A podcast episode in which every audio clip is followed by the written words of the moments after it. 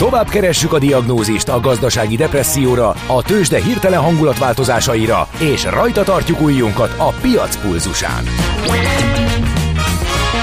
Folytatódik a Millás reggeli, a gazdasági Muppet Show. Ezt most vegye be és nyugodjon meg! A Millás reggeli főtámogatója a Schiller Flotta Kft. Schiller Flotta is rendtakár. A mobilitási megoldások szakértője a Schiller Autó tagja. Autók szeretettel. Jó reggelt kívánunk mindenkinek, április 19-én, szerdán 9 óra 10 perckor, ez a Millás reggel itt a Rádió Café 98.0-án, a stúdióban Ács Gábor. És Kántor Endre. És a hallgatók közül is írnak, köszönjük szépen a sok-sok üzenetet, próbáljuk őket feldolgozni, sorban haladunk, úgyhogy akinek sikerül, annak sikerül. Volt egy közlekedés, azt előre veszem, az nagyon fontos. A hegyalja, az Erzsébet hit környékén leálltak a lámpák, és a hegyalja kifele is teljesen áll. Ez eh, nem így szokott lenni, inkább a befele húzós ilyenkor, és eh, ezt írt egy hallgató, tehát óvatosan Erzsébet hit környéke, hegyalja, fölfele, kifele azzal érdemes mindenképpen vigyázni. És akkor, hogy miről szólunk még, vagy miről lesz szó a műsorban az utolsó órában, most az ingatlan rovat után értelemszerűen lesz még egy tőzsdenyítás, viszont hadd hívjam fel a figyelmet a zöld rovatunkra, a szuper zöld rovatunkra, ahol a homokhátság eh, kiszáradásáról lesz szó. Ott nagyon-nagyon furcsa dolgok mennek.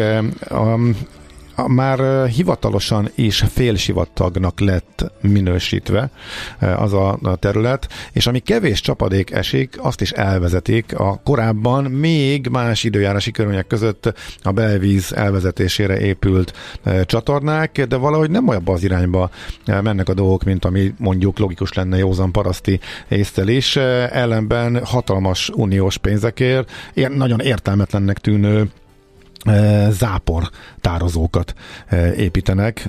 Hogy ez miért, mi ennek a háttere, mi folyik ott, erről fogunk majd beszélgetni Kármán Kolos tájépítéssel, aki ott is lakik egyébként azon a környéken. Úgyhogy ajánlom mindenképpen ezt a műsor végén következő beszélgetést is, de most akkor az ingatlan. Építkezel? Lakást vennél? Eladnád? Bérelnéd? Vagy felújítanád? Vagy befektetési céllal nézed a piacot? Akkor neked való a négyzetméter. A Millás reggeli ingatlan piaci rovata amelyben a budapesti lakás piaci folyamatokat nézzük át. Az áremelkedés megállt, ezről már tudunk, arról viszont keveset, hogy most visszaesés van, vagy csak, nom, vagy csak reál értelemben van visszaesés, nominálisan stagnálás, kisemelkedés, változékonyság. További érdekességek is kiderülnek az Otthon Centrum elemzéséből. Például, hogy a legnagyobbra nyílt, mindenkori legnagyobbra az Olló, a legdrágább és a legolcsóbb kerületek között, úgyhogy erről is faggatjuk majd a Sókitót Gábort, az Otthon Centrum vezet, elemzési vezetőjét. Jó reggel, szervusz! Jó reggelt kívánok! Szervusztok.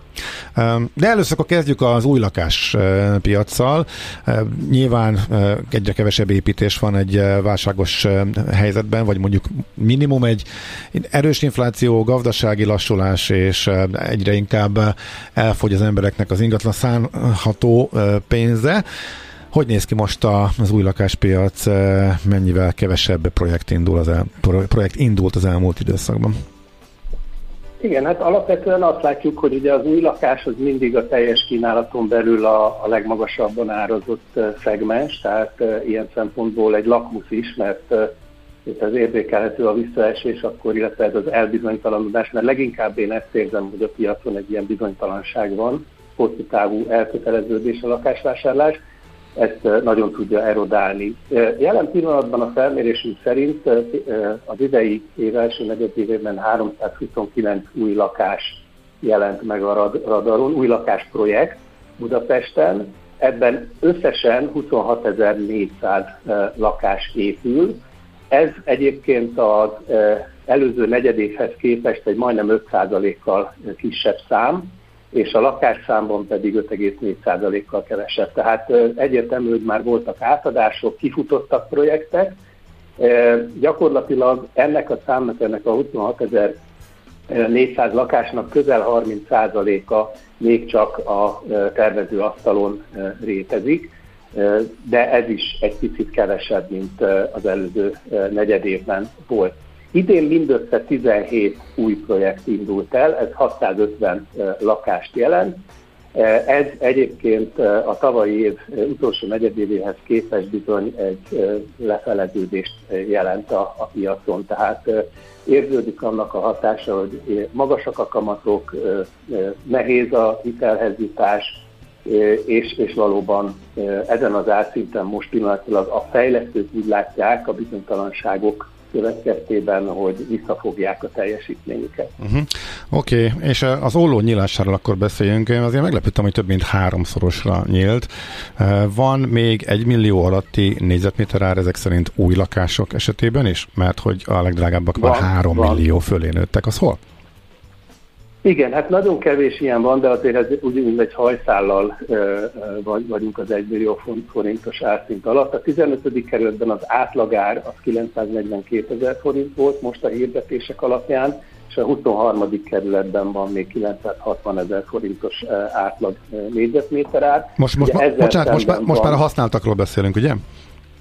Nem, nem, ezek ez még az új, ez még az új. Uh-huh. Ez, ez abszolút új lakás. Ez abszolút uh-huh. új lakás, tehát tulajdonképpen az új piacon ér, érezhető ez a, ez a szétválás, és gyakorlatilag ugye az ötödik kerületben pedig a 3 millió forint fölött vagyunk már átlag értékben, nyilván nagyon kevés új projekt van a belvárosban, Ugye leginkább azért a budai kerületek, illetve a 13. kerület, 11. kerület, eh, ahol a legnagyobb számban eh, tudnak új lakások épülni. Ugye a 13. kerület az évek óta a rekorder, hiszen itt jelentős olyan korábban elsősorban gazdasági célú területek váltak lakásépítési területé, ahol nagy lakásszámú, akár egész tömbökre kiterjedő projekteket lehetett megvalósítani. Uh-huh, okay. És az a folyamat, amit most lehet olvasni, hogy visszafordult a agglomerációs exodus, és jönnek vissza Budapestre. Ez miben változtathatja meg ezt a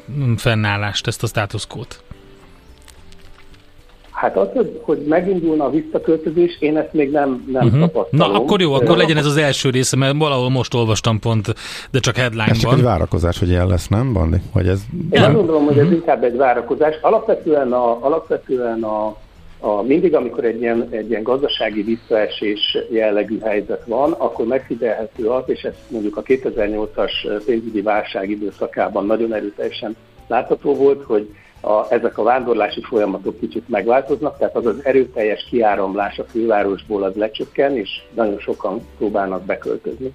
Ebben egyébként van egy generációs mintázat is, tehát nyilván egy, egy kisgyerekes család az nagyon erősen motivált, hogy valamilyen módon egy kertes, kertvárosias hangulatú környezetbe költözön, míg mondjuk egy tinédzser vagy már fiatal felnőttekből álló, tehát egy olyan család, ahol megnőttek a gyerekek, ott viszont ugye már vannak azért hátrányai a, a nagyvárostól távoli e, lakóhelynek, mindenféle logisztikai problémák és egyebek, tehát hogy, hogy itt szokott lenni egy ilyenfajta e, váltás, hogy elgondolkoznak a szülők, hogy most már ugye nem biztos, hogy kell egy olyan alapterületi nagyméretű ház. Ebben egyébként szerintem az energia árak is belejátszanak, hogy, hogy sokkal racionálisabban kezdünk viszonyulni a mhm. saját lakhatási megoldásunkhoz. Uh-huh. Visszakanyarodva már a négyzetméter árakhoz, az továbbra is úgy van, hogy kiemelkedik a négy elitkerület, ahol kimagasló árak vannak, ötödik, második, 12 meg az első a Várnegyed, és utána egy jó nagy lyuk, és mondjuk a másfél milliós az átlag környékén azért elég sok kerületben lehet új lakáshoz jutni? E, igen, de az előbb, mint hogyha kérdeztél volna a használt lakásokra. Igen, is, majd, igen, azt, azt is. Uh-huh. Tehát igazából a, tehát a használt lakásoknál, tehát így azt mondtam ugye az újnál, hogy van ez a hajszállal 1 millió alattól a 3 millió fölöttig, ugye Igen. ezek mind a kerületi átlagok, amikről beszélek. Ezzel szemben Budapesten a használt lakásoknak az átlaga az egész városra nézve az most olyan 1 millió környékén van, uh-huh. és itt a, nincs akkora olló, tehát itt a, a, a, Buda, a belső kerületekben, 5. kerület ugye a legdrágább, ott 1,73 millió, az első kerületben 1,45 millió, és szintén viszonylag magas áron van a 13. kerület is. Ugye a 13. kerület egy óriási arculatváltáson ment keresztül az elmúlt 25 évben, és gyakorlatilag tehát a belvároshoz fel, feljött népszerűségben. Nyilván ez a közlekedési adottságai, környezeti hangulatok, és az a rengeteg új építés, ami ugye nem csak ma történik, hanem az elmúlt 10-15 évben folyamatosan épült a kerületet. Ott olyan városrészek vannak, amik teljesen átpozicionálódtak, azáltal, hogy rengeteg új lakás érkezett, és az új lakásokban persze új lakók is. Tehát nyilván itt a, a, körny- a, az épített környezet minősége mellett egy szociális összetételben is egy változás uh-huh. történt. Hogy egy millió körül van az átlag a használt lakásoknál Budapest szinten, akkor feltételezem, hogy nagyjából fele-fele arányban vannak a fölötti, meg az alatti. Az átlag az hol elérhető? Tehát melyik az, az átlag közeli kerület, ami mondjuk nem is annyira drága, de nem is olcsó? Hát igazándiból ugye a belváros közeli területek, tehát ugye a Pesti oldalon is mondjuk egy, egy kőbánya tizedik kerület, Zuglónak a külső uh-huh. részei, harmadik, Budai oldalon a harmadik, tizenegyedik kerület, és nyilván a, a minél megyünk távolabb a városközponton, a külső pesti kerületeknél látjuk azt, hogy az átlagár ott, ott 800 ezer forint alatt van. Uh-huh. Méterenként ez, ezek a legkedvezőbb esélyek, de nyilván itt azért tehát egy, egy mikrokörnyezeten belül is elég nagy a szórás. Uh-huh. Tehát azért ki lehet fogni, és nyilván nem mindegy, hogy valaki hajlandó bevállalni azt, hogy egy lelakott lakást vesz meg például. Tehát a használtaknál ugye ez is egy, egy nagyon fontos értékmérő, hogy megveszem azt a lakást x ezer forintért, de utána még legalább mondjuk az egyharmadát vagy egy negyedét rá kell költsem, hogyha egy mhm. teljes felújítást kell. A legolcsóbb ugyanaz a használtnál és az újnál is, tehát a 15 lett a legalacsonyabb négyzetméter ára új lakásoknál, de az nyilván kicsit lehet csalóka is, mert kevés fejlesztés van, de ezek szerint új palota a, a, a, a használtnál a, is? A Pesti oldalon alapvetően a legkedvezőbb átlagára közük ilyen 650-750 ezer forint, tehát használt jó mhm. beszélünk uh-huh. most, és ezek a külső kerületekben így van. Uh-huh. Oké. Okay. Ugye, és hát a másik az is, hogy, hogy nyilván a, a minőségi számít, tehát a Ugye a családi házak azok fajlagosan jóval olcsóbbak, de ugye nagyobb alapterületen miatt az abszolút értékben drágábbak. És hát a panel az továbbra is azért a társasági lakások között egy, egy, egy, egy, egy megfizethető kategóriát jelent, még úgy is, hogy azért ugye ezt a távfő bizonytalanság azért, azért érzékelhető. Eddig ugye a, a, ne, nem érzékelték az energiaárakban a változásokat a panelben lakók, de hát ugye ez, ez gyakorlatilag ez egy döntés kérdése. És akkor ez a haladás kifele, ezzel párhuzamosan az átcsökkenés, ez a városhatáron túl is érzékelhető? Tehát ha teszem azt új palotáról, amíg megyek Csömör vagy Magyaród irányába, vagy akár csak Rákoskert, mondjuk Egyszer Maglód irányába, ott tovább morzsolódnak a négyzetméter árak szép lassan? Az az érdekes, igen, az az érdekes, hogy, hogy a, ez a nagy kiáramlási hullám, amit azért itt a, még a Covid előtt elkezdődött, és a Covid erre ráerősített, ez elég erősen megdobta az árakat az agglomerációba. Tehát valóban igaz az, hogy mondjuk egy, egy mondjuk Vecsés és a 18. kerület, vagy ha még kiebb megyünk, nem tudom én, Pécsel illő irányába, akkor egyértelműen van egy ilyen árlejtés, de egyre távolabb kellett menni. Tehát, ha valakinek volt, nem tudom én, 50 millió forint, és ebből akar váltani, mondjuk egy budapesti társasági lakásból egy, egy kisebb családi házba, akkor azt tapasztalta, hogy egyre távolabbra kellett nézni ahhoz, hogy, hogy egy olyat találjon, ami, ami belefér ebbe, ebbe a büdzsébe. Most egy kicsit azt látom, hogy, hogy itt van pontosan ez az elbizonytalanodás, és az, hogy a hitel az, az, az megdrágult, ez azért nagyon sok keresőt újra, újra számításra vagy újra kalkulációra motivál, mert egyértelmű, hogy, hogy nem mindenkinek van ekkora pénz, és általában ezeket a, tehát a társasházból, családi házból egy ilyen minőségi vagy típus közötti váltást ezt általában nem tudták teljes mértékben a meglévő ingatlanból befolyt összegből finanszírozni, tehát mindig volt valamennyi hitel igény, és ez, ez nyilván most, most megnehezült, uh-huh. vagy megdrágult. Uh-huh. Így van, így van. Tehát abszolút azt látjuk egyébként, hogy nagyon erős az aktivitás, tehát uh, ugyanúgy tehát vannak keresők, vannak eladók a piacon, tehát ezekben a görbékben, amiket ilyen lázgörbéket én nézegetek hétről hétre, nem látok változás, viszont az ügyletekben nagyon erős a visszaesés, tehát nagyjából egy ilyen felére estünk vissza mhm. az előző évekhez képest. Ez, és, és hát ez azt is látszik, hogy sokkal többet kell dolgozni azon, hogy létrejön egy ügylet, tehát uh-huh. elhúzódnak az értékesítések. Ettől függetlenül még nem látjuk azt, hogy, hogy mondjuk olyan fajta beszakadás lenne, tehát itt azért nem arról szól a történet, hogy egy csomó ember elveszíti az állását, megélhetését, és akkor hirtelen menekülni kell, mondjuk egy hiteltörlesztésből, és ezért gyorsan áron alul szeretnék, vagy, vagy, vagy olcsón gyorsan szeretnének megszabadulni az ingatlantól, tehát ez nincsen, türelem van, kivárás van, nézelődés van, de a bizonytalanság az érzethető a piacon. Világos. Oké, okay. nagyon szépen köszönjük a sok-sok hasznos információt. Jó munkát, szép napot neked is. szépen, további szép napot mindenkinek, felviszont viszont hallásra. Köszönjük viszont hallásra. Sókitót Gábor volt a beszélgető partnerünk, az Otthon Centrum elemzési vezetője. Négyzetméter. Rálátás az ingatlanpiacra a Millás reggeliben. Na, jöjjön egy olyan pacák, akit úgy szoktak apostrofálni, hogy egy eh, igazi one-man band, sőt one-man jam band. A Keller Williamsről azt kell tudni, hogy eh, annak a generációnak a szülötte, körülbelül egy idős velünk, akik az independent zenei irányzatba mentek el a nagy kiadók ellenében, és ilyen progresszív bluegrassnek is szokták mondani, amit ő játszik.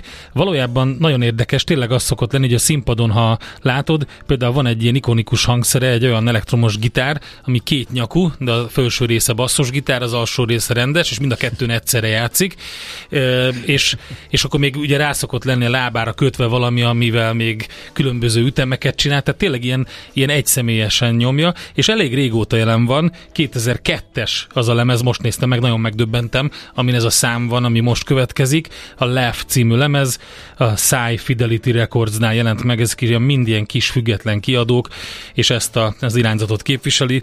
Az biztos, hogy a zenei tudása az nagyon sok mindenkit így ámulatba állt, legalábbis ami, ejt, amit, amit a színpadon produkál. Tőzsdei és pénzügyi hírek első kézből a Rádiókafén, az Equilor befektetési ZRT Equilor-től. Equilor, 1990 óta a befektetések szakértője.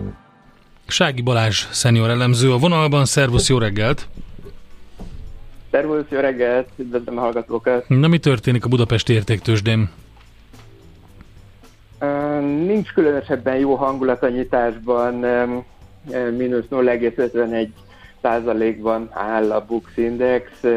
Egyébként a Budapesti értéktősdén ekkor a nap ezen szakaszában átlagosnak mondható 374 millió forintos forgalom volt eddig. Hát az inkább gyenge, nem? Hát mert lejjebb jött az átlag, mert ja, sok-sokszor gyenge. Igen. Igen, blue chippeink a MOL kivételével mínuszban vannak, az OTP mínusz 0,32 százalékban, a MOL plusz 0,15 százalékban, tehát itt van egy, egy enyhe plusz, Richter mínusz 1,2 százalékban, és Magyar Telekom mínusz 0,96 százalékban. Mit lépett a forint, reagált-e a jegybank alelnökének interjújára? Virág Barnabás azt mondta a vg.hu-nak, hogy a kamat folyosó felső részét csökkenthetik, elmozdíthatják lefelé, tehát a kamat folyosó szélessége. Csökkenhet ez kamat csökkentésre utaló jelzésnek tűnik. Reagált a forint erre? Igen, ez az első lépésnek tekinthető a kamat csökkentés irányába, és a forint igen eléggé heves reakciót mutat. Az euróforint árfolyam 376 nál jár jelenleg. 5 forint, 5 forintot esett hirtelen? 5 forintos esést, esést láthatunk. Igen, tehát a piac elkezdte árazni a kamatcsökkentés megindítását. Az overnight fedezett hitel kamatcsökkentés, ami most 25 százalék, egy jelzésértékű lépés, ami Virág Barnabás tájékoztatása szerint már a jövő heti, április 25-i kamatdöntő ülés alkalmával megtörténhet, de az irányadó kamathoz valószínűleg nem fognak nyúlni. Ez, eh, ahogy Virág Barnabás is kiemelte, majd későbbi eh, kamatdöntő ülések alkalmával változhat, tehát eh, valószínűleg a május végi ülés előtt maradni fog igazából a fő piac mozgató mm. 18%-os irányadó kamat. Mm. Oké, okay. Valázs, nagyon szépen köszönjük, szép napot, jó munkát! Szép napot kívánok, és sziasztok! Szia, szia! Sági Balázsral, szenior elemzővel beszélgettünk a tőzsdenyításról, illetve a forint friss reakciójáról, a jegybank alelnöki nyilatkozatra. Tőzsdei és pénzügyi híreket hallottatok a Rádiókafén az Equilor befektetési ZRT-től. Equilor, 1990 óta a befektetések szakértője. Milyen legyen a jövő? Az oké, okay, hogy zöld, de mennyire? Totál zöld? Maxi zöld? Fantasztikusan zöld? Hát semmiképpen sem szürke, még 50 árnyalatban sem. Superzöld, a millás reggeli környezetvédelemmel és természettel foglalkozó rovata következik. Hát régóta nem értjük, hogy miért hagyjuk, hogy elsivatagosodjon eh, a homokhátság, eh, de ismét eh, láttuk, hogy foglalkozott vele például a Szabad Európa és egy érdekes riportban. Kicsit szeretnénk mi is mögé nézni, ezért hívtuk föl. Itt van velünk a vonalban Kármán Kolos tájépítész, aki segít, hogy megértsük. Jó reggelt, szia! Jó reggelt kívánok! Jó reggelt kívánok a hallgatóknak! Ugye a fő, mm, a fő, kezdjük? Hát a fő, a fő probléma, hogy megpróbálom én elmondani, mármint, hogy nagyon leegyszerűsítve, és akkor egész is ki. Tehát egy, egy speciális terület volt mindig is, mert hogy nem voltak vízfolyások a homokhátságon. Ellenben rengeteg csatornát építettek, mert hogy sok volt a csapadék, és a belvízzel voltak problémák. Tudom, hogy ez nem pontos, de majd akkor kiegészíted évad, viszont megváltozott az időjárás, a klímaváltozásnak a hatásait eh, érzékeljük, és eh, ez nagyon-nagyon súlyossá tette a, a problémát, mert hogy kevés lett a víz, és még még kevés esik, azt is teljesen értelmetlen és feleslegesen gyorsan elvezetjük. Ez így nagyjából? Akkor pont, pontos, Pontosíts, jó, jó. Tehát eh, igen, ez a homokhátság, ez ugyanis az alapföld közepén van, tehát hogyha az ember csak itt autózik ebben a tájban, nem is igazán veszi észre, hogy ő egy hátságban tartózkodik, és ez a homokhátság, ez egy ez medencék és hátak tagolódásából álló tájegység, ami, ami néhány méteres szintkülönbségekből áll össze, de a, a hát közepe, tehát a Dunatisza közének a közepe, az már 130 méteren van, miközben ilyen 71 néhány méteren folyik a Tisza például. Uh-huh. Tehát az egy ténylegesen egy, egy kiemelkedő területe az Alföldnek. És itt igen, itt nem voltak vízfolyások. Tehát, ha megnézzük a régi térképeket, a, a katonai felméréseket, azt láthatjuk, hogy ez egy teljesen vízfolyás, felszíni vízfolyások mentes terület volt, rengeteg állóvízzel.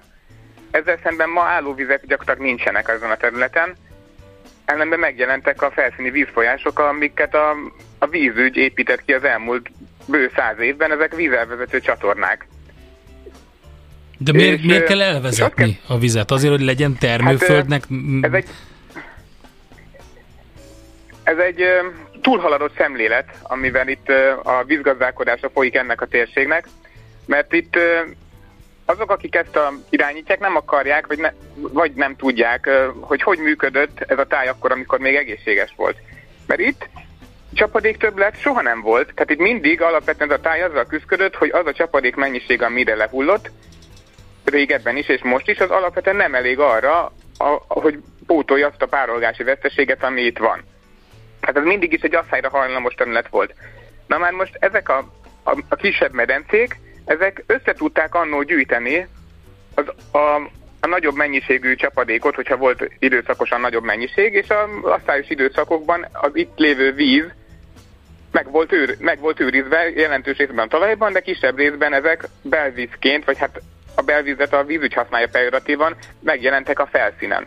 Na és a vízgazdálkodásunk ezt a táji működést, ezt alapvetően felborította azzal, hogy összekötötte ezeket a mélyfekvésű, addig lefolyástalan medencéket csatornákkal, és ezeket a csatornákat végsősoron bevezette a Tiszába, és elvezette azokat a vizeket, amik itt természetes módon tározva voltak. És azzal, hogy ezeket a mélyfekvésű részeket összekötötték és elvezették a vizet, ezzel drasztikusan levitték a talajvízszintet. Ami viszont azért probléma, mert a homokhátság, mint a nevében van, homoktalajon van a homoktalajnak pedig nincsen vízemelő képessége, magyarán, hogyha lecsökken a, a, a talajvízszint, akkor a gyökérzónából kiszalad a víz, és a növényzet nem tudja fölvenni, a természetes erdők, fás vegetáció sem fogja elérni a vizet.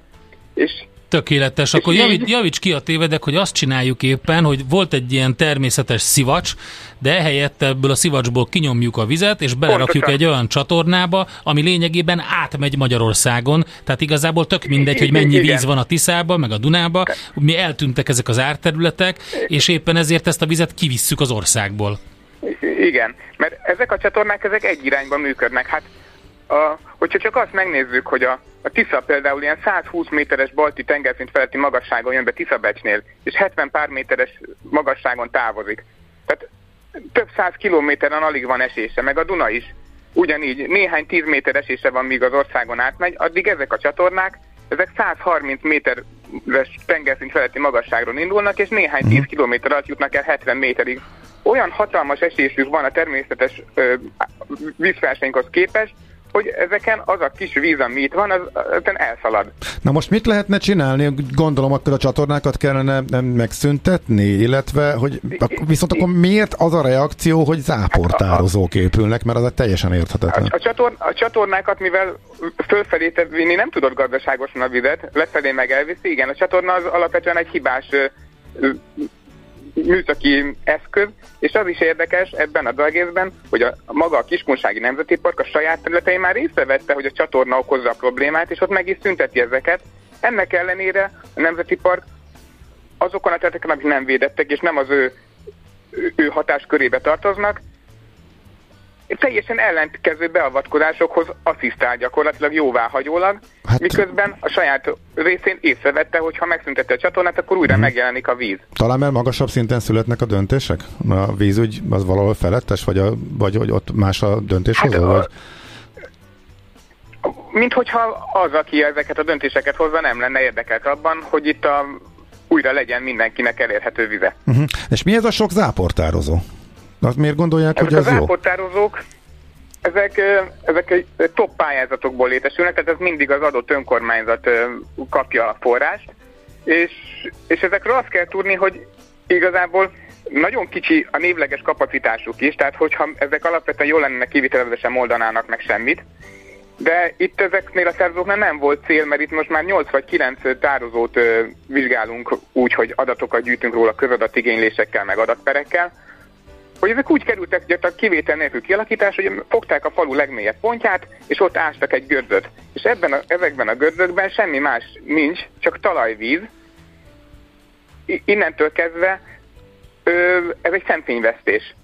Mert azt a talajvizet, amit a felszínre hoznak, így elpárologtatnak, viszont ezt akarják ö, a külső szemlélőnek úgy eladni, hogy tessék, itt a víztározó, van benne víz. Uh-huh. És ez beko- ezzel oldjuk meg a Én problémát. tudnék várj, egy de- pár de- de- lombkorona sétányt mellé képzelni, és akkor egy ilyen egész kis ökoszisztémát lehetne kiépíteni. Lombkorona sétány, záportározó és magas kilátóból. Rém- De most figyelj, az, áport, Rémségek parkja. az áportározók is uniós pénzből épülnek, és itt a- az, az uniónak, az uniót így át lehet ezzel verni, tehát simán be lehet Ne, mutatni. az tehát a- uniót tehát te, átverni, Gábor, nem lehet. Teljesen Nem lehet. kamu, záportározó, följön a talajvíz fotókkal, le lehet igazolni, és akkor ez működik, és akkor ezt lehet hegyekbe ezt építeni. Hát, Mindegy, nekem még ez így összességében azért furcsa. Ugye itt az Unió nem az ápoltározóra adott pénzt, hanem egy olyan ö, programra, aminek az, a vég, az, az kellene, hogy legyen a vége, hogy itt megoldódnak a vízhiány okozta problémák. Az, hogy itt erre milyen ö, megoldásokat dolgoz ki az ország, az az országnak a saját ügye, mert uh-huh. ugye az Ja, Unió aha. abban hisz, hogy helyben a legokosabbak az emberek, tehát Ja. akkor miért döntsék el ők Brüsszelből, hogy mit csináljunk, Igen. hogyha mi, Igen, mi, hát mi ezt, vagyunk a ebbe probléma téved, közelében. Ebbe téved az Európai De Unió. logikusnak tűnik, Ez igen. van, hát nem, még szerintem lannak se tűnik, de Csak tehát akkor jól értem, hogy a záportározóval végül is pont az ellenkezőjét érjük el? Tehát így előcsalogatjuk a talajvizet, és az elpárolog még ráadásul? Igen. Ó, Igen, de jó, tehát, de jó. az, hogyha ezt így általánosan megérthetővé akarom tenni, hogyha hallottuk a tavaly a Velencei tónak a vízszint csökkenését. Mhm. Uh-huh. Ez olyan, mint hogyha a Velencei tó kiszáradt volna, majd jött volna az okos vízügyes, ásunk a közepén egy gödröt, a, a, amit ott kiásunk földet, terítsünk el a, a Velencei tó mostani medzében, és akkor lesz egy tized akkor a Velencei tavunk, de lesz benne víz, mert Hát, ugye mert- utána mentünk a lesüllyedt víznek. Mert hogy följött a talajvíz, aha. Ezek a záportározók, ezek semmi másból nem állnak, mint a talajvíz felszínre hozásából. És ez csak a kisebbik gond, mert ezek kicsi projektek nyilvánvalóan arra vannak, mert hogy más értelmét én nem látom, hogy valakik pénzhez jussanak, ilyen kamu beruházásokkal, de van egy másik sokkal súlyosabb probléma, az az, mert itt már a, maga az országos vízügy költi a pénzt, 10 milliárdokat, ez a vízpótlás. Uh-huh. Itt van egy olyan koncepció kialakulóban, vagy már kidolgozás alatt, hogy a Tisza vizét hozzák a homokhátságra, csatornákon átemelő szivattyúk segítségével, hogy abból lehessen majd öntözni. Miközben már a neve elárulja az egésznek a, a, a, a tévútját, vízpótlásról beszélünk, anélkül, hogy megoldott, meg tud, föl, föltártuk volna az, hogy miért hiányzik a víz, hiszen pótolni csak olyat lehet, ami már egyszer volt. Ha ez nem pótlás lenne, hanem kiegészítő víz ö, biztosítása, akkor az már egy teljesen más ö, más megközelítése lenne a témának, de itt önmaguk elismerik azt, hogy egy olyan vizet kívánnak a Tisza vizével pótolni, ami valahogy eltűnt a tájból. És arról senki nem beszél, hogy ez a víz ez hova jutott. Tehát beleveze, belevezetjük a Tiszába azt a keveset is, ami esik minél gyorsabban, hogy eltűnjön, majd pedig méregdrágán visszahozzuk Igen, szivattyúkkal. Mert, mert most mhm. képzeljük el, hogy ugye több tíz métert kell emelni a vizen, hogy eljusson a homokhátságra. Több szivattyú telepet kell majd üzemeltetni, hogy a vizet fölpumpálják, és az a víz akkor is még mindig csak csatornában lesz, aminek a közvetlen közeléből tud majd a gazdálkodó vizet vételezni, de hogyha ez a gazdálkodó, aki a csatorna közelében van, ki kell, hogy fizesse a teljes költségét ennek a víznek, hiába lesz vize, nem fog tudni versenyképesen gazdálkodni, mert, mert őrül drága lesz idehozni foszilis energiá felhasználásával azt a vizet, aminek itt, itt kellett volna lennie. És az a baj, hogy... Hát akkor igazából... majd versenyez, versenyezhetünk. Tehát én azt gondolom, a gyönyörű szép jövőképet festettél most le. Én azt gondolom, a spanyol paradicsommal meg eperrel fog a homokhátsági paradicsom és eper versenyezni. Ki tudja drágábban előállítani. Nagyjából hasonló problémákkal küzdenek most. Na most egyébként hova futhat ez ki? Tehát olyan kilátás, tehát egyrészt érte, érthetetlennek és olyan kilátástalannak e, tűnik. Ti próbáltok kikérni egy csomó adatot, és akkor ezekkel mentek, és bizonygatjátok, és próbáljátok a hatóságok figyelmét fölhívni, hogy ez nem, nem jó módszer, vagy, vagy, vagy mit próbáltok elérni? Hát ö, azt próbáljuk elérni, hogy me- meg tudjuk fogni magát a, a projekteket, hogy hol sántít az egész dolog, hol mhm. mi nem igaz abból, amit ők leírnak, miért nem fog teljesülni a pályázati cél. Nekünk az, az lenne igazából a célunk, hogy ez a fajta zsákutcába vezető beruházási dömping, ez megálljon, mert uh-huh. ez csak fokozni fogja a problémát. De nyilván, hogyha az összes rossz megoldást majd kipróbáljuk, akkor majd csak eljutunk esetleg a jó megoldásig is. Vagy hát nem kéne az összeset jó, végigpróbálni. Igen, csak ugye, csak ugye láttuk a Szabad Európa filmjében is, hogy fele annyi állat, tehát olyan szintű a kiszáradás, és olyan folyamatok indultak el, meg elvándorlás van, hogy lehet, hogy már későn van. Tehát igazából sürgősen kéne cselekedni, itt évről évre komolyabb problémák vannak. Legalábbis ez derült ki ott a gazdálkodók szavaiból. Itt, hogyha ha megnézzük a klímadiagramokat, még nem történt akkora klímaváltozási hatás ezen a térségben, ami indokolná ezt a vízhiányt, mert nem esik annyival kevesebb eső, nincs annyival melegebb. Tehát itt a vízhiány az a, az emberi vízelvezetési butaság miatt alakult ki. Tehát, hogyha ezen tudnánk változtatni, akkor itt ez a táj viszonylag rövid idő alatt helyre tudna állni. Tehát itt már annyira abszurd dolgok vannak, hogy itt Zsombon, ahol én élek, itt van egy nagy Bara nevű terület, ez egy egykori tó volt, hát a maga a bara szlávul tavat jelent. Na ebben a tóban már évtizedek óta gyakorlatilag nincsen víz, és tavaly odáig jutottunk, hogy ebben a tóban lévő gyepet kútvízből öntözte a gazda, hogy tudjon mit kaszálni. Tehát Oké, okay, értjük. Uh-huh. Jó, hát figyelj, szorítunk és drukkolunk, hogy eredménnyel járjon, és legyen egy váltás, vagy legalább egy, egy vita erről, meg mondjuk kiderüljön, hogy ez a rengeteg pénz miért ment el. Úgy tűnik, hogy értelmetlen ezekre a tározókra, úgyhogy akkor kitartást ehhez. Úgy... Igen, ennyi pénzből meg is lehetett volna oldani. Igen, aha. Oké. Okay. Jó, hát reméljük azért lesz egy fordulat ez ügyben. Nagyon szépen köszönjük, hogy Csak azért nevetünk, mert fáj. De köszönjük igen. szépen, fel, felhívtuk Meg, a figyelmet. Igen, Nem értjük. a túlélésben. Igen. Köszönjük, köszönjük szépen. szépen. Szép napot. Szia, szia. Minden jót, sziasztok. Kármán Kolossal beszélgettünk tájépítéssel, a homokhátság problémáiról. A Millás reggeli környezetvédelemmel és természettel foglalkozó rovata hangzott el. Superzöld hogy a jövő ne szürke, hanem zöld legyen. Oké? Okay? Szerda van, és itt van velünk már Fehér Marian Maja. Mi lesz a műsorban? Jó reggelt, gyors leszek, mert látom, megint csúszunk egy kicsit. De hogy is, de... nyugodtan. Ne, mondja csak a kritikát. A, az lesz. Nem, szerintem egyre ügyesebbek vagytok, meg hát tényleg nagyon sokan mondandótok, én nem. ezt abszolút értem.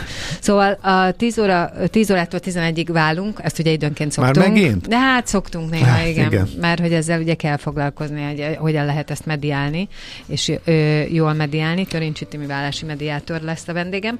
És aztán utána 11 órától pedig az életünk dolgaiban Házasodunk. készülő színházi darab. Nem ott már az apákról lesz szó, oh, illetve ja. egy, az apáknak egy életszakaszáról.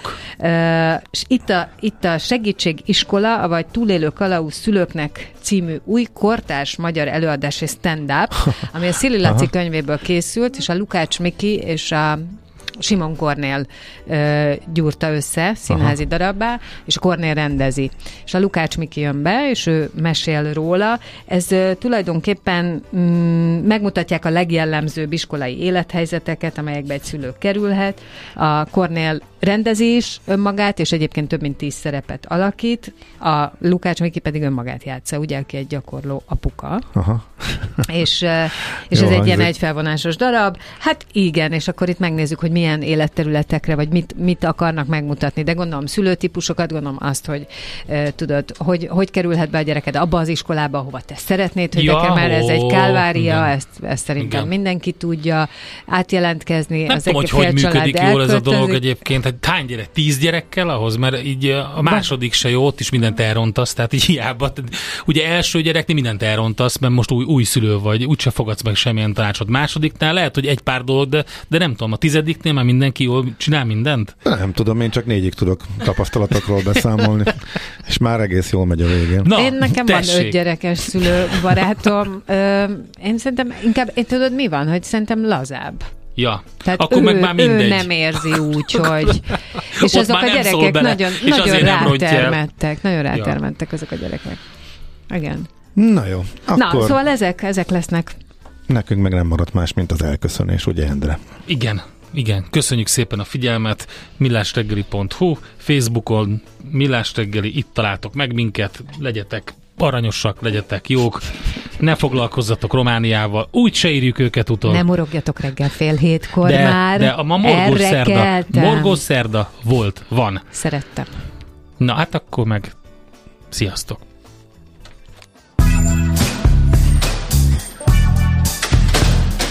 Már a véget ért ugyan a műszak, az ügyelet azonban mindig tart. A sürgősségi és félig zárt osztályon holnap reggel újra megtöltjük a kávésbögréket, és felvesszük a piaci stetoszkópot. Addig is keressetek minket közösségi rendelőnkben a Facebookon, a mai adás podcastjét pedig a rádiókafé98.hu és millásreggeli.hu oldalakon, a Spotify-on és a Google Podcast-en. Millás reggeli. A Rádiókafé gazdasági Show-ja. Két dologban bízhatsz.